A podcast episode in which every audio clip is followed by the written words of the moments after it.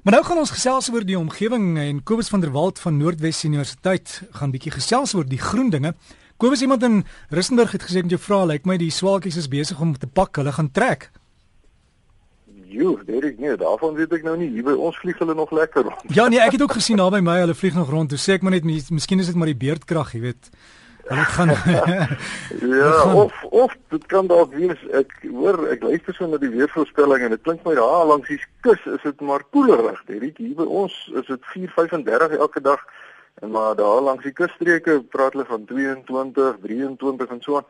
So dit kan ook wees dat die swaakies besluit dit nee wat dis nie die moeite werd om om oor die suidkus te dis kom ons gaan terug noorde toe. En ek hoop regtig die weer verbeter want uh, ons is self 'n bietjie op pad soontoe om te gaan rus. Maar nou ja, by die see is dit altyd lekker selfs al is dit koud. Ja, en en kom ons sê ek uh, neem aan jou krag is seker af nou, maar dit klink so stil daar by julle. Weet jy ja. nee, die krag het net net nou so 'n paar minute terug toe die krag hier in Potchefstroom gesê nee wat, nou rus ons eers 'n bietjie. So ja, ons sal maar sien wat gebeur uh met hierdie situasie want dit is nou glad nie goed nie. Ehm um, en vanoggend se navraag deur die het hou verband met die kragstorie. Uh so op 'n indirekte manier want ek het 'n brief gekry van meneer Henny Swarts van Centurion dis ook nou al 'n brief wat 2 3 jaar terug by my aangekom het en hy wil graag weet hoe sonstorms die mens se gesondheid kan afekteer en hoe ons onsself daarteen kan beskerm. Uh nou ek sal nou by die krag verbintenis uitkom. Maar uh eers wil ek dan net sê meneer Swart, dankie vir die navraag en alhoewel ek dink dat hierdie vraag dalk eerder deur die manne van die program Sterre en Planete uh wat sonnaande uitgesaai word hier op RSG eh, beantwoord moet word, gaan ek tog probeer om 'n algemene bespreking van die begrip sonstorm te gee want dit hou verband met volhoubaarheid hier op aarde. Maar nou moet ek dadelik sê dat ek glad nie 'n spesialis kenner op hierdie gebied is nie. Uh en ek luister self graag na sterre en planete, dit is my baie interessant. En daarom raai ek omgewingsvriende aan om as hulle nou meer inligting oor hierdie onderwerp soek, hulle dalk eerder vir professor Mati Hofman van Koffsies of dan Henny Koorts of Wim van Malter of een van die manne uh, sal kontak uh en as mense spesifiek oor die ruimte weer wil gesels kan hulle vir Kobus Olkers in Amerika direk kontak. Ehm um, want sy werk is om die son dag en nag dop te hou en die ruimte weer te voorspel. En al die mense se kontakbesonderhede word elke Sondag aand op sterre en planete gegee. Maar nou goed, kom ons kyk wat se dinge sonstorm is en watter invloed dit op die mens kan hê. Nou die woord sonstorm is 'n versamelwoord wat die gebeur wat gebeurtenisse so sonvakkels korona massavrystellings en protonstorms insluit en die oorsprong van al hierdie vuurwerke is korona gate wat op die son voorkom. Nou wat is die korona van die son? Nou die naam kom van die latynse woord af wat kroon beteken. En die korona is die plasma gloed wat vir miljoene kilometer die ruimte instrek rondom die son. As mens met 'n teleskoop na die son kyk, natuurlik deur 'n geskikte filter, mens moet nooit nooit nooit sonder so 'n filter na die son kyk nie, en jy maak dan nou met 'n ondeursigtige skuif die son self toe, dan sien mens baie mooi die gloed van die korona rondom die son. Nou aanvanklik het die wetenskaplikes gedink dat die gloed om die son veroorsaak word deur 'n spesiale element wat hulle koronium genoem het. Maar in die 1940s is ontdek dat die gloed die gevolg is van geïoniseerde plasma met 'n temperatuur van in die orde van 'n miljoen grade Celsius. Nou koronagate kom in die areas rondom sonvlekke voor. Uh, en hierdie areas is areas waar die magneetveld van die son die normale konveksiestrome vertraag sodat daar dan nou areas ontstaan wat kouer is as die omringende fotosfeer van die son en interessant is dat sonvlekke gewoonlik in pare voorkom waarvan die magnetiese polariteite van die twee vlekke 'n spieelbeeld van mekaar is. Nou sonvlekke kan so klein wees so 16 km in deursnee tot 'n allemintige 160 000 km in deursnee. En om dit in perspektief te plaas, die deursnee van die aarde is maar 12700 km. So 'n sonvlek kan meer as 10 keer so groot wees soos die hele aarde. Nou rondom die sonvlekke kom daar dan nou areas voor waar die son se magneetvelde wegbuig van plekke in die korona waar daar minder energie in gas is. En dit veroorsaak dat die materiaal makliker van die son af in die ruimte ingeskiet kan word. Nou die hele son blaas normaalweg partikels in alle rigtings die ruimte in En dit is presies wat die korona is. Dis wat ons sien as ons na die son kyk en ons kyk, ons sien die korona. Maar materiaal wat vanuit die korona gate die ruimte ingeblaas word, beweeg omtrent 2 keer so vinnig as normaalweg en daar kan dan natuurlik ook baie meer materiaal ontsnap. Nou hierdie materiaal word kollektief die sonwind genoem.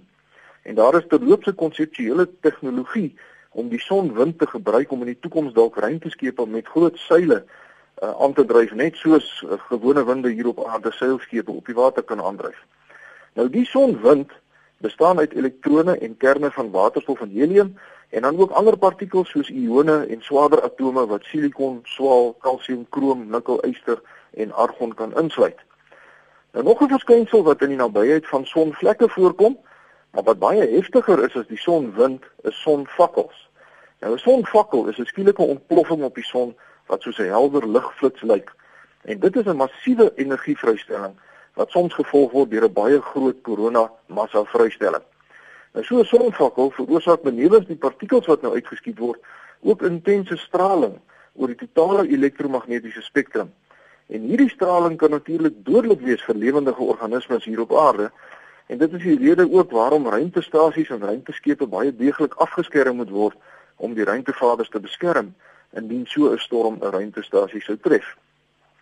Nou wanneer so 'n gat in die korona of 'n sonvakkel nou direk na die aarde toe wys, met ander woorde die stroompartikels as ook die elektromagnetiese uitstralings word reguit na die aarde toe geskiet, dan word daar gesê dat die uitbarsting op die son geo-effektief is. Met ander woorde die partikels en die straling gaan die aarde tref.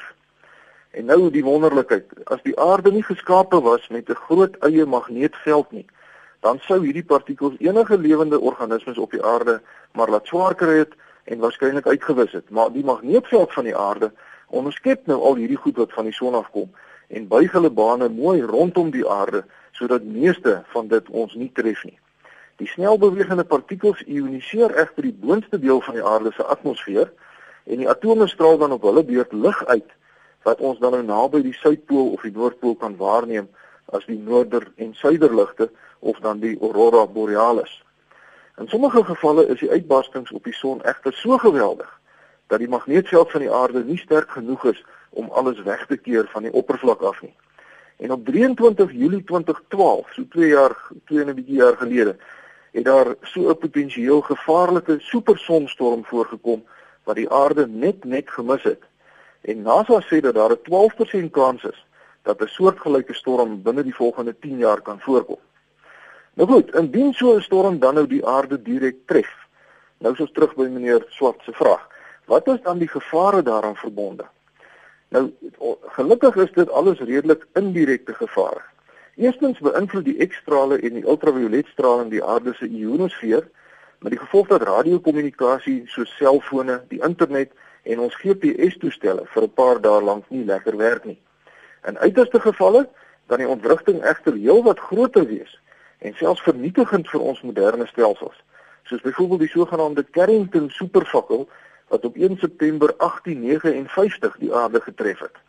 Nou die massa sonpartikels wat toe vrygestel is, het slegs 17 ure geneem om van die son af na die aarde te bereik, teenoor verskeie dae wat dit gewoonlik neem. En die invloed was so groot dat die aurora ligte tot naby aan die ewenaar gesien is.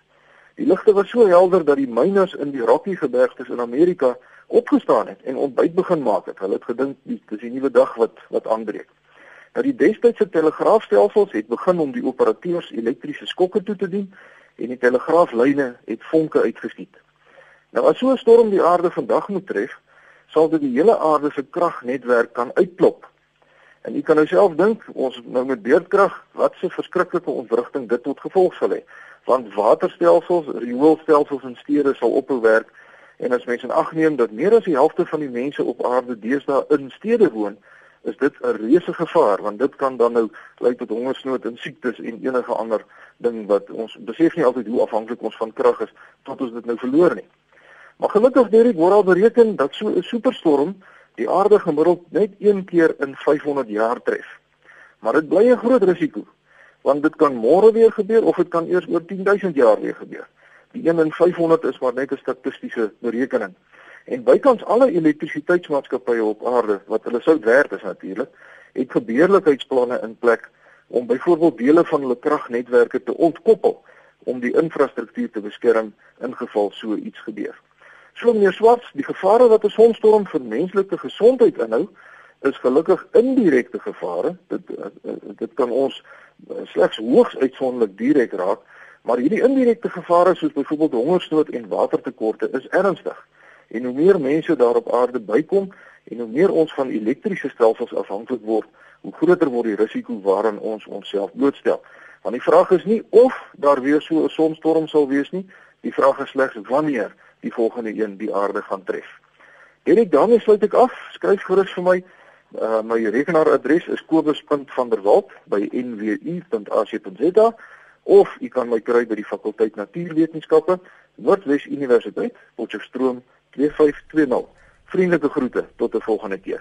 So gesels ons dan met Kobus van der Walt en as jy wil kontak maak, daai e-posadres is kobus.vanderwalt wat jy aan mekaar skryf, kobus.vanderwalt by nwu.ac.za.